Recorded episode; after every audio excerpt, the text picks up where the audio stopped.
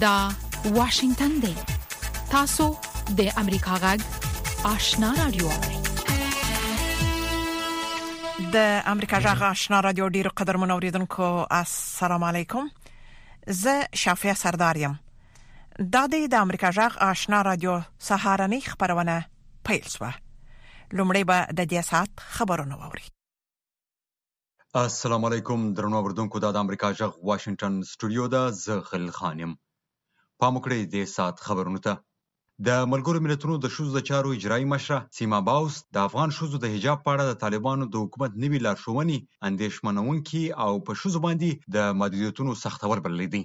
نوموړي په افغانستان کې په واکمنو مقاماتو ږغ کړی چې د بشر، ښځو او نجونو د حقونو د قوانینو پر اساس خپل ملکفیتونه ترسره کړي او د ښځو او نجونو ازاد تګ راتګ، کار او تعلیم ته د هغوی حقونه بیرته عاجل اعاده کړي. په اعلامیه کې همدغه راز په دې اړه د ملګرو ملتونو د عمومي منشي انټونیو ګوټیرس اندېښنه هم یاده شوې او ویل شوي دي چې د طالبانو له راتګه وروسته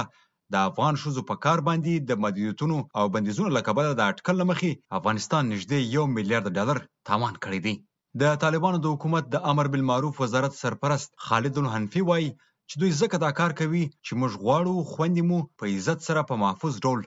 ژوند وکړي. په افغانستان کې د ښځو حجاب جبري کولو ته د غبرګونونو په دوام د افغانستان په چارو کې د امریکا د متحدو ایالاتو ځانګړي استازی وايي، د ښځو په اړه د طالبانو تګلاره د بشري حقونو خلاف عمل دی. ټامس وېسټ پرون د دوشنبې په ورځ پر خپل ټویټر پاڼه لیکلي چې یاد عمل به له نړیوالې ټولنې سره د طالبانو پر اړیکو منفي اغېز وکړي. د طالبانو لخوا د ښځو حجاب جبري کېدو ته پراخ غبرګونونه ښودل شوي دي. د ملګرو ملتونو سرمنشي انټونیو ګوټرس هم په دې اړه اندېښنه ښودلې او له طالبانو څخه یې غوښتي دي چې د ښځو او نجونو د حقونو په اړه پر خپل ژمنو عمل وکړي. د پاکستان صدراعظم شهباز شریف د دغه هېواد مخکني صدراعظم عمران خان د پاکستان پر خلاف په توطیه جوړولو تورن کړی او ویلي دي چې پر ضد به یې قانوني اقدامات وکړي.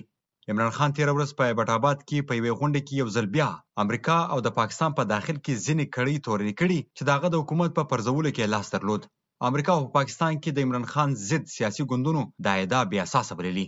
د پاکستان نوي صدراعظم شهباز شریف د عمران خان تازه څرګندونې د پاکستان پر ضد توطیه بللي او ویلي دي چې هغه د دغه هېواد حکومت او قوانین تر پوښتنې لاندې راوستي دي. عمران خان د دوشنبې په ورځ د حکومت پر ضد د هغه کمپاین سیاسي نه، بلکې جهاد وباله او ویې ویل چې د صدراعظم شهباز شریف کورنۍ درواغجنه ده. هغه زیاته کړه چې په پارلمان کې مجرمین ناست دي او دی حیران پر دې دی چې پر هېواد د فسادګرو حکومت وي، نو څنګه به پرمختګ وکړي. عمران خان څه موده مخکې د پاکستان د سیاسي ګوندونو د ایتلاف په پایله کې په پارلمان کې د عدم اعتماد د رایه وروسته حکومت یې ړنګ شو او شهباز شریف یې پر ځای د پاکستان نوی صدراعظم وټاکل شو. د امریکا متحدو ایالتونو د دوشنبې په ورځ د روسیې جمهوررئیس خبره بې مانا او د تاریخ سپکاوی وبلی. د امریکا د بهرنیو چارو د وزارت ویاند نیډ پرایس خبریالانو ته وویل چې دا د هغو انسانانو سپکاوی دی چې خپل ژوند یې د لاسه ورکړ او د دې بې احساسه یرغل قربانیان دي. د روسیې جمهوررئیس ولادیمیر پوتین پرون د دوشنبې په ورځ پر اوکراین د روسي پوځیانو د یرغل ننګه وکړه او ویې ویل چې دا یې د دفاع لپاره اړینه وه. ښاغلي پوتین چې د نازي جرمني په ماته کې د پخواني شوروي ځواک د رول د لمانځنې په مراسمو کې خبرې کولې، یو ځل بیا په ناټو تور ولګاوه چې د روسیې د پولو په اوږدو کې یې ګواښونه رامنځته کړي دي. هغه په ډونباس کې د جنګېدونکو روسي عسکرو یادونه هم وکړه چې د ده په خبره د خپل مورني ټاټوبي دفاع کوي. روسیه هر کال د مۍ په نهمه نېټه د نازي جرمني پر ضد د دوهم نړیوال جنګ پر مهال په نولس سوه پنځه څلوېښت کال کې د سوي جنګ د فتحې ورځ لمانځي. په اوکراین کې د روسیې لخوا د تشدد په پیښو کې د زیاتوالي په اړه د ملګرو ملتونو امنیت شورا به د پنجشنبې پر ورځ خاصه غونډه ولري. د پنځوسو څخه زیاتو هیوادونو د کیف د هغې غوښتنې ملاتړ وکړ چې د ملګرو ملتونو د بشري حقونو څانګه دې د روسیې د یرغل وروسته په دغه هیواد کې د بشري حقونو د مخ په زیاتېدونکي وضعیت جاج واخلي. په جنیوا کې د اوکراین استازي یونا فلینکو وویل چې دغه اقدام به د روسیې جمهوررئیس ولادیمیر پوتین ته پیغام ورکړي چې په دې یې ټینګار کړی چې د اوکراین جنګ یې د خپلې خاورې د دفاع لپاره ضروري و. هغه زیاته کړه چې موږ غواړو چې ملګري ملتونه دې په اوکراین کې د بشري حقونو او جنګي جرمونه چې هره ورځ زموږ د خلکو پر ضد ترسره کېږي په اړه رښتیني ګامونه واخلي. د روسیې له خوا د فروري په څلور ویشت مه په اوکراین یرغل په نړیواله کچه وغندل شو. په سرلنکا کې د دوشنبې پر ورځ له هغه وروسته پنځه تنه ووژل شول او شاوخوا دوه سوه تنه زخمیان شول چې د حکومت ملاتړو او مظاهرچیانو ترمنځ نښتې وشوې. دغه مظاهرچیان د جمهوررئیس ګوټابایا راج پکسا استعفا غواړي. په داسې حال کې چې د تشدد پېښې پراخې شوې، چارواکو په درست هېواد کې ګرځبندیز اعلان کړی او د پوځ د ملاتړ غوښتنه یې کړې چې د تشدد د پېښو مخه ونیسي. که څه هم په سرلانکا کې سوله ییزو مظاهرهچیانو د اپرېل د نهمې نېټې راهیسې په سوله ییزه توګه مظاهرې کولې، خو اوس یې په درست هېواد کې د هغوی پر ضد تشدد ته غبرګونونه شروع کړي. دا په داسې حال کې ده چې د سرلانکا صدراعظم مهیندرا راجا پاسکا پرون د دوشنبې په ورځ استعفا وکړه. پر سرلنکا کې څو میاشتې کېږي چې خلکو د تیلو، غوړیو، ګازو، خوراکي موادو او درملو د ترلاسه کولو لپاره په اوږدو اوږدو کتارونو کې ولاړ وي. دغه ټول مواد د هېواد څخه بهر واردېږي. د تیلو د کموالي له کبله په سرلنکا کې د ورځې څو ساعته برېښنا هم نه وي. د امریکا متحدو ایالتونو د چهارشنبې په ورځ د شمالي کوریا په اړه د ملګرو ملتونو د امنیت شورا د بېړنۍ غونډې غوښتنه کړې. امریکا دا غوښتنه له هغه وروسته کړې چې داسې ویرې پیدا شوي چې پیانګ یانګ پلان لري چې په راتلونکو څو اونیو کې اټومي ازموینې پیل کړي. دا په داسې حال کې ده چې پیانګ یانګ د جنوري د پنځلس مې راهیسې پنځلس توغندۍ ازمایلي دي. د مصنوعي سپوږمکۍ تصویرونه ښيي چې کېدای شي شمالي کوریا د اټمي ازموینو د پیلولو تیاری نیسي او د امریکا د بهرنیو چارو وزارت د جمعې په ورځ خبرداری ورکړی چې دغه ازموینه کېدای شي په دغه میاشت کې ترسره شي دا خبرونه چې تاسو د امریکا جغ د واشنگټن د سټوډیو څخه واوریدل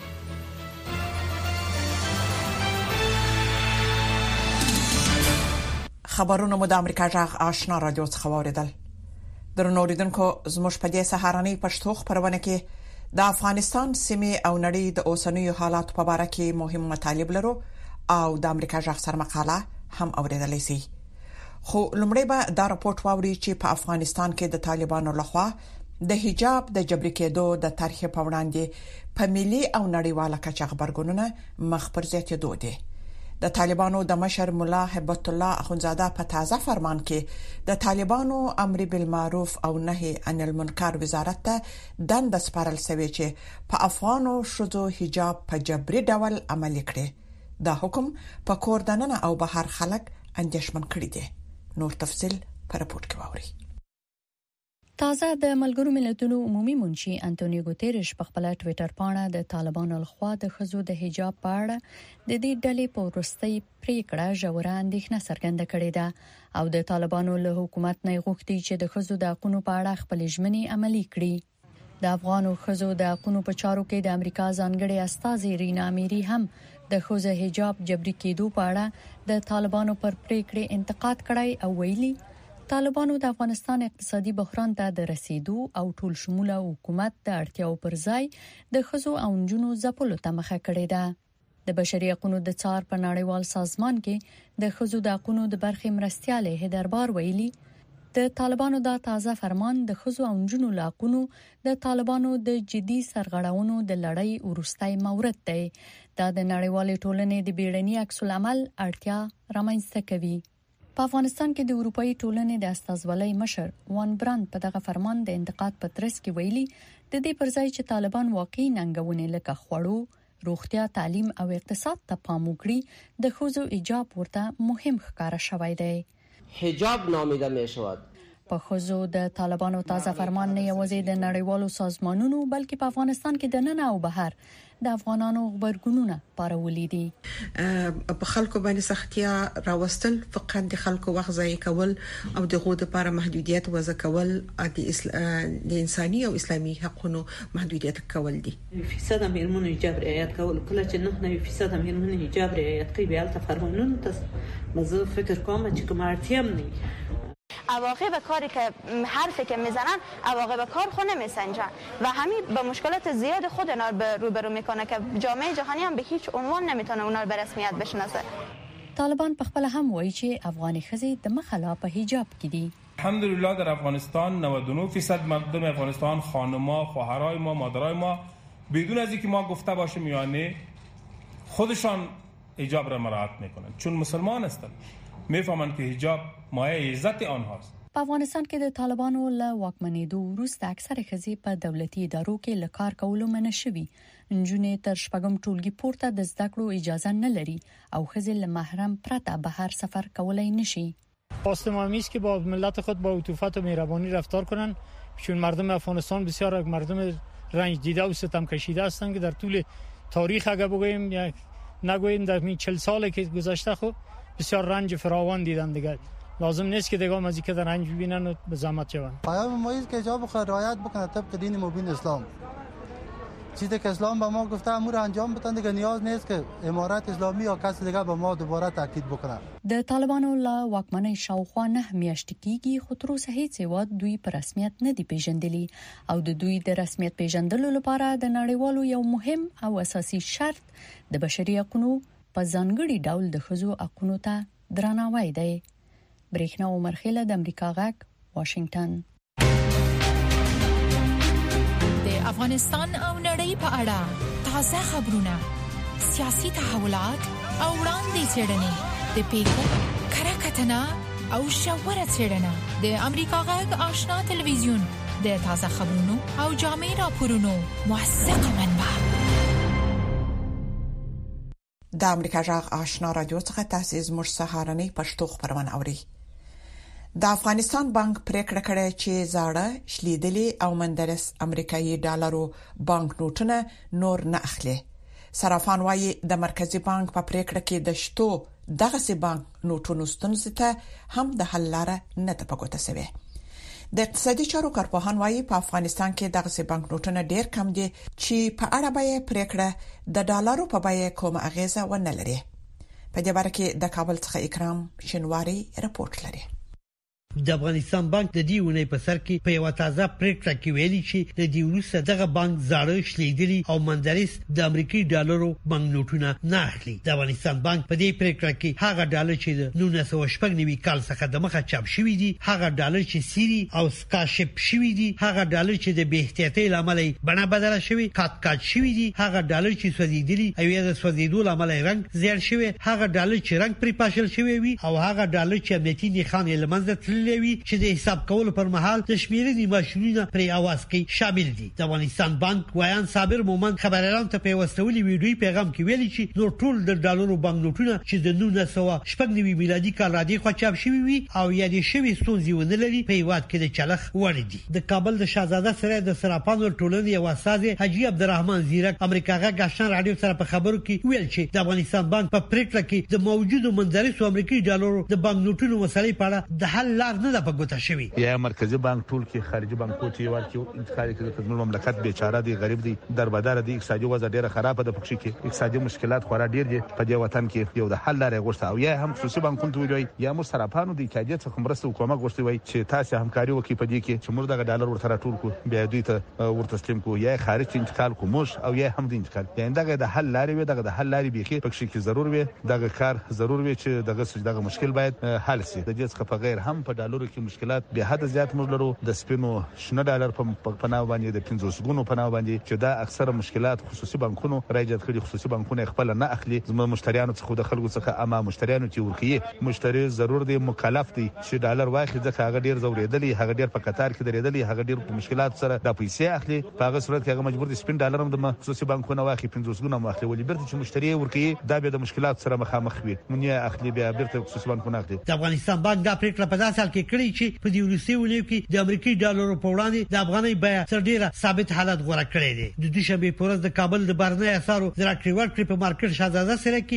یو ډالر شاوخوا اوه اتیا نیمو افغانیو سره تبادله کېده. په تېرو اونیو کې په افغانستان کې یو ډالر د شپږ اتیا او اته اتیا افغانیو ترمنځ تبادله کېده. د اقتصادي چارو ځینې کارپوهان د افغانستان صادراتو او وارداتو د کچې ټیټېدو ته په پاملرنې دا ګڼي چې دا پرېکړه به د افغانۍ په وړاندې د ډالرو د بیې په لوړیدو یا ټیټیدو باندې کومه اغیزه ونه لري. د اقتصاد یو استاد ظاهر علیمي وایي چې په تیرو نهه میاشتو کې د یوې خوا اقتصادي معاملې کمې شوي او د بلې خوا د مدرسو ډالرو اندازه دومره نه ده چې د ډالرو د بیې په لوړوالي او کموالي باندې اغیزه ولري. ډالرای قبل از سال نود و شش چنه؟ ښاغلي حلیمي وویل، د نولس سوه شپږ نوي میلادي کال وړاندې چاپ شوي ډالر افغانستان کې ډیر کم دي او که پاتې هم دي سوداګر کولی شي په نورو هیوادو کې تبادله کړي ځکه چې افغانستان کې د سوداګریزو معاملو حجم ډیر ټیټ شوی دی اوس چې افغانستان کې کوم ډالر شته هغه نوي ډالر دي د مخه چې کوم ډالر وو هغه له هیواد وتلي دي زما په نظر د افغانستان د اسعارو په بازار به کوم تاثیر وانه چي.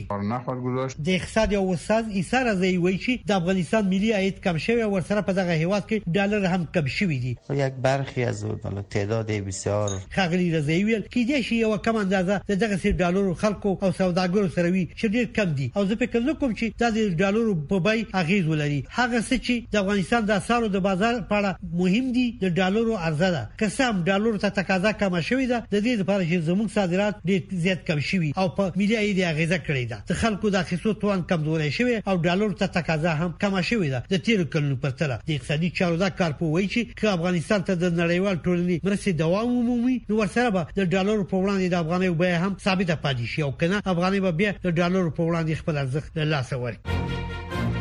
انتظار پای ته ورسید درنو لیدونکو او اوریدونکو تاسو کولی شئ د امریکا غږ ټلویزیونی او رادیوي خبرونه د یاسات ساتلایت له طریقو وګورئ او واورئ د نوي ساتلایت لارې تاسو د آشنا اتصال او کاروان ټلویزیونی خبرونه کتلای هم شئ د امریکا غږ د افغانستان څنګه خبرونه په 309 پټ چنل او د آشنا رادیوي خبرونه په 309 پټ چنل کې اوریدلای شئ لملتيامو د تل پشان مننه قدرمن اوریدونکو یو ډاله چې تیر کال د اگست د میاشتې د 15 نیټه وروسته د افغانانو د تخلیه په بهیر کې مرسته کړې اوس هڅه کوي چې د امریکا حکومت د نوو راغلو افغانانو د بیا میشت کیدو او هغوی ته د اسنادو ورکولو لپاره یوه لایحه تصویب کړې. دا ډله وايي، د جمهور رئیس بایډن حکومت د کانګریس څخه غوښتي چې اوکراینیانو سره د مرستې او په امریکا کې د هغوی د ځای پر ځای کولو لپاره یوه لایحه تصویب کړي چې په وینا یې افغانان هم د دې وړ دي چې ورته چلند ورسره وشي. نور حال په رپورټ کې واورئ. هغه افغانان چې په دې وروستیو کې متحد ایالات ته راغلي دي د میش کېدو لپاره یو لړ اقدامات ته اړتیا لري دا کسان ته د اسنادو ورکولو په برخه کې چې کومې هڅې پیل شوې دي جزئیات یې څه دي د افغانانو د تخلیه لپاره چارواکي له خپل متحدینو سره کار کوي او هڅه کوي هغه کسان چې د اگست ل 15 نیټه راهیسې دلته راغلي دي د مشکېدو لپاره په قوانینو کې د تعدیل رامنځته کولو لپاره فشار اوستي دي شاوخوا اتیا زره کسان راغلي دي چې د هیومانیټریان پیرول په نوم یادېږي یا د بشردوستۍ ویزه لري دوی کوم نور اسناد نه لري خو ورته اجازه ورکړل شوې ده چې راشي او کولای شي تر دوه کلونو پورې دلته واوسيږي او باید په دې دوه کلونو کې برخلیک څرګند شي د دوی د مهاجرت مسایل ساده شي ترڅو وکولای شي په امریکا کې د دایمي اوسېدو اسنادو یا ګرین کارت درخواست وکړي څه چې مونږ غواړو دا دي چې د دغه پروګرام وخت وغځول شي او دا ډاډ ترلاسه شي چې هغه کسان چې متحده ایالاتو ته راغلي دي د اوسیدو لپاره پروګرام غځول شوی دی او دا پروګرام ورته اغیزمن دی. څه چې په تیر اونۍ کې وشول او لوی کار وو دا وو چې د بایډن حکومت له کانګریس نه غوښتي اوکراینیان د مرستې په لایحه کې شامل کړي. دلته د قوانینو تصویبول ډیر سخت کار دی. ځنې وخت ښه وي او ځنې وخت نه وي. خو دا غوښتنه کولای شي د مهاجرینو د وضعیت د تعدیل لپاره ډیره ښه ده او کولای شي د افغانانو ځای پر ځای کیدو سره هم ګټوره تمامه شي. هغه افغانان چې د تخلیې په بهیر کې دلته راغلي دي، د میشت کیدو په اړه تعدیل په برخه کې څه ګامونه پورته شوي دي؟ په دې کې ټول هغه کسان شامل دي چې د پیرول په توګه راغلي دي دوی باید د امریکا د کورنۍ امنیت ادارې ته ځان ورمعرفي کړي او ورته وایي چې زه د پیرول بهیر کې راغلی یم او غواړم اسنادو ته درخواست ورکړم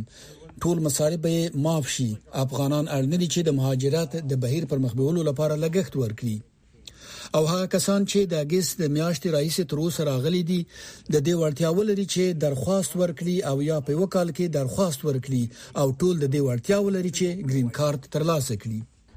زیات وه خو شو چې د دغه سمون د منل کیدو لپاره هڅې پیل شوي دي که راته ووایاست چې اوس په کومه مرحله کې دی؟ لومړی دا چې د یوې لایحې تصویبول زیات وخت ته اړتیا لري. موږ د دغه لایحې له جوړوونکو سره کار کوو او هغوی په دې اړه څو ځلې په کانګرس کې د استازو د مجلس او سنا مجلس له غړو سره پرې خبرې کړې دي چې څه ته اړتیا لري. دا زموږ لپاره ډېره مهمه ده چې دواړه ګوندونه پکې دخیل وسي او موږ دا ډاډ ترلاسه کړو چې د هغوی ملاتړ له ځانه سره لرو. موږ فکر وکړ چې دا واقعاً مهمه ده چې دا خلک پکې دخیل اوسي او دا فرصت مو ولید تر څو ډاډ تر لاسه کړو چې سپینه ماڼۍ او د امریکا خلک وکولای شي نړۍ ته دا پیغام ورسوي چې افغانان هم د اوکراینیانو او نورو خلکو په څیر غوره خلک دي. ایا کوم مشخص مهالویش شته چې دا لایحه باید تصویب شي؟ موږ تمه لرو چې دا لایحه د امریکا د پخوانیو سرتیرو د یادونې له ورځې مخکې چې د می 13مه نیټه ده تصویب شي خو وګورئ تاسو پوهیږئ چې کانګرس د دولت جلا رکن دی او له حکومت سره دوی باید خبرې وکړي او ویخي نتیجې ته ورسیږي هر څوک د کانګرس هر غړی خپل نظر لري او په امریکا کې خلک کولای شي د کانګرس خپل استاذ ته زنګ ووهي ورته وایي چې دوی غواړي د لایحه تصویب شي او ورته ویلي چې افغانان هم د اوکراینیانو په څیر مدغم کیدای شي. که دا لایحه د متحده ایالاتو د حکومت له خوا تصویب نه شي، هغه کسان چې دلته راغلي دي کومه مشخصه ستونزه ورته جوړیدای شي؟ که دا لایحه تصویب نه شي، خو خلک به د اوسیدو هیڅ ډول حالت ونه لري، هغوی به بیا اړ وي چې پناه اخیستو یا اسایلم ته درخواست ورکوي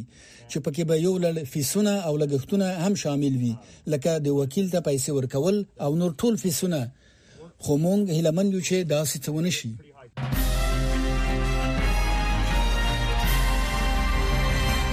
د امریکا غږ آشنا رادیو منځنۍ صفه 1290 اف ام 0.15 پیښتنی او تازه خبرونه د امریکا جغ آشنا رادیو څخه د نړۍ راپورټونو ته دوام ورکوي د اوکرين جمهور رئیس ولادیمیر زيلنسکي پرون په انلاین توګه د جی او او یا د نړۍ د اوو بډای هیوادونو د مشرانو سره انلاین غونډه کول د زيلنسکي سره د جي اووه مشران داسې مهال غونډه کول چې پر اوکراین د روسیې بریدونه لا هم دوام لري نور تفصيل په رپورت کې واوري. ټاکل شوې چې نن د بریتانیې، کاناډا، فرانسې، جاپان، ایټالیې،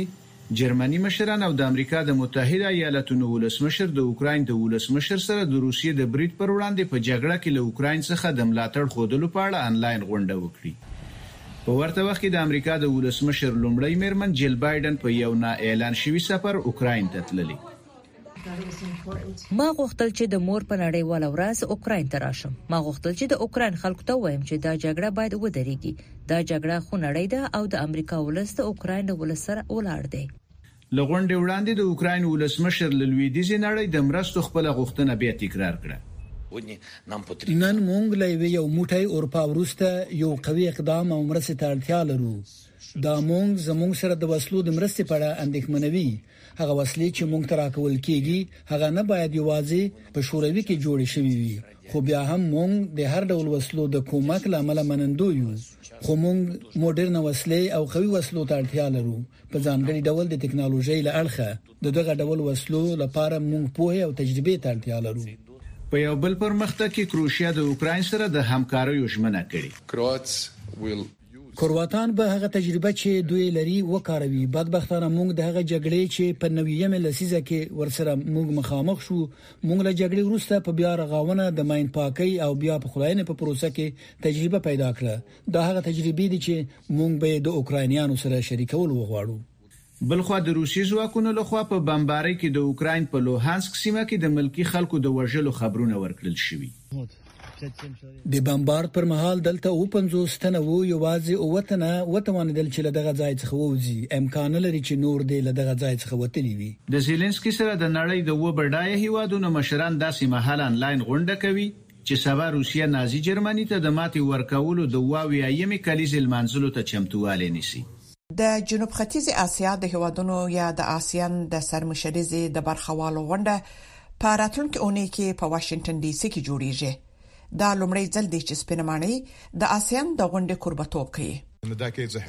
د اسیان لومړنۍ سرمشریزه په 2014 کال کې د امریکا په کالیفورنیا ایالت کې رابلل شوې و د دغه نیټه وروسته د سویل ختیځي اسیا مشران د اوکرين د جګړې او د چین د بندرونو د تړل کېدو لکبل د پوځي کودتاګانو تبي ناورینونو او د تېلو او خوراکي توکو د کمښت شاهدان وو.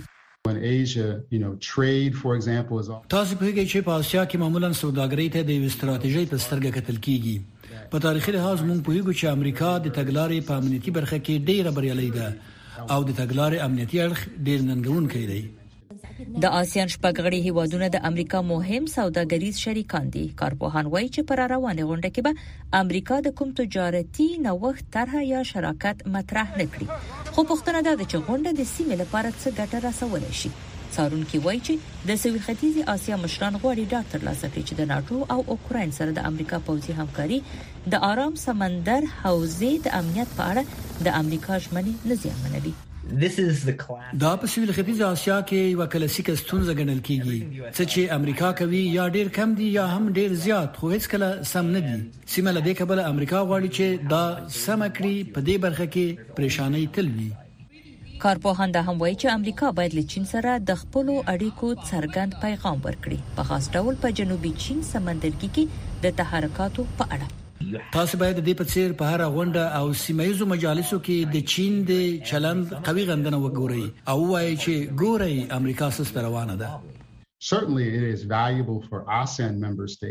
یقینا دا د آسیان د غړو هیوادونو لپاره مهمه ده چې پوه شي آیا د امریکا او چین په اړیکو کې بدلونونه راځي؟ دوی به له دې څخه برداشت او له بدلونونو به څه ګټه پورته کوي؟ په یو برخه کې آسیان پرمختګ کړي هغه دا چې دغه هیوادونه د چینایي تولیداتو د ارزي بدیل لارې موندلې دي د امریکا او آسیان سوداګریزه شورا وایي چې ټاکل شوی مالیزیا له امریکا تولیدي شرکتونو سره د همکارۍ د زیاتوالي اعلان وکړي په داسې حال کې چې د سویل ختیځ آسیا هیوادونه له نړۍ سره خپل اقتصادي اړیکې پراخوي د هند په شمول سوداګریز شریکان غونډه له نږدې څاري د دې ټولو سره سره کارپوهان وایي چې د آسیان حوزه په نړیواله کچه د روانې پیړۍ د فرصتونو او ستونزو پراخه سیمه بلل کیږي رڼا تورنی غورزنګ د امریکا غک واشنگټن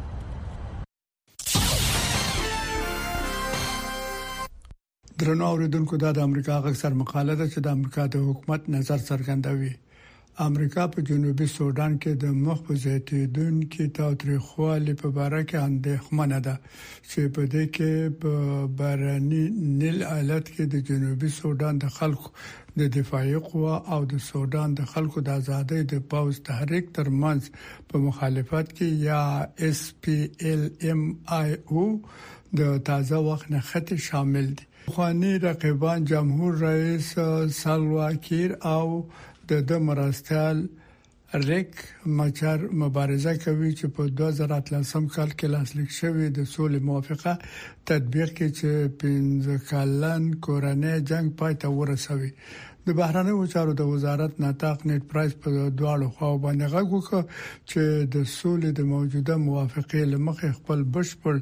مسولیتونه سرته ورسوي. ایس پي ایل ایم آی او د سولې د انډیوال لخوا د دې په مرکزونو باندې د د ناپارولو حملو په سر د سولې د پروسس له څارونکې ډلې نه د وتلو اعلان وکړ. نطاق پرایس په اس پي ال ایم آی او باندې غږ وکړ چې سمدستي دغه پریکړه بدله کړي. د په عین وخت کې نو ویل د اوربند د څارنې هیئتونه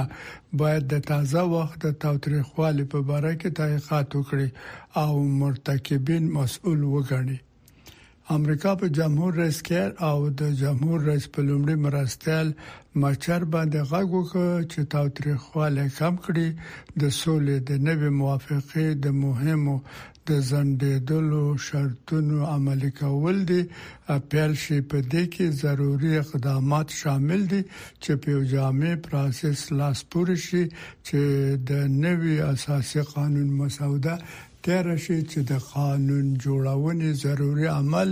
او میکانیزمونه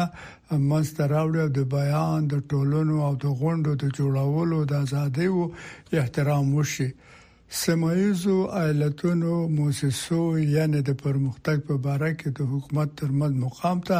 په کار ده چې جدي اقدام وکړي چې تاوتریخوالی کم کړي او د سولې پراسس بیرته په لیکه وربرابر کړي. نطاق پرایس څرګنده کړه چې د وضعې د خرابېدو لپاره ټولې خواوې مسؤلې دي، نه جمهور رئیس کېر، نه د جمهور رئیس لومړي مرستیال مچر د ښه نیت کوششونه وکړل چې د نوې موافقې شرطونه عملي کړي او دواړو خواوو د جدي کوششونو په مقابل کې مقاومت وکړ چې د جنوبي سوډان د سولې، امنیت او سوکالۍ په لور حرکت وکړي، چې د جنوبي سوډان د خلکو دوامداره غوښتنه ده. امریکا د ملي یووالي د نوي موقتي حکومت په ټولو غړو باندې غږ وکړ، چې داسې ضروري اقدامات وکړي، چې د جنوبي سوډان د خلکو په سترګو کې به وري ولیدل شي، چې د دوه زره اتلسم کال د سولې د موافقې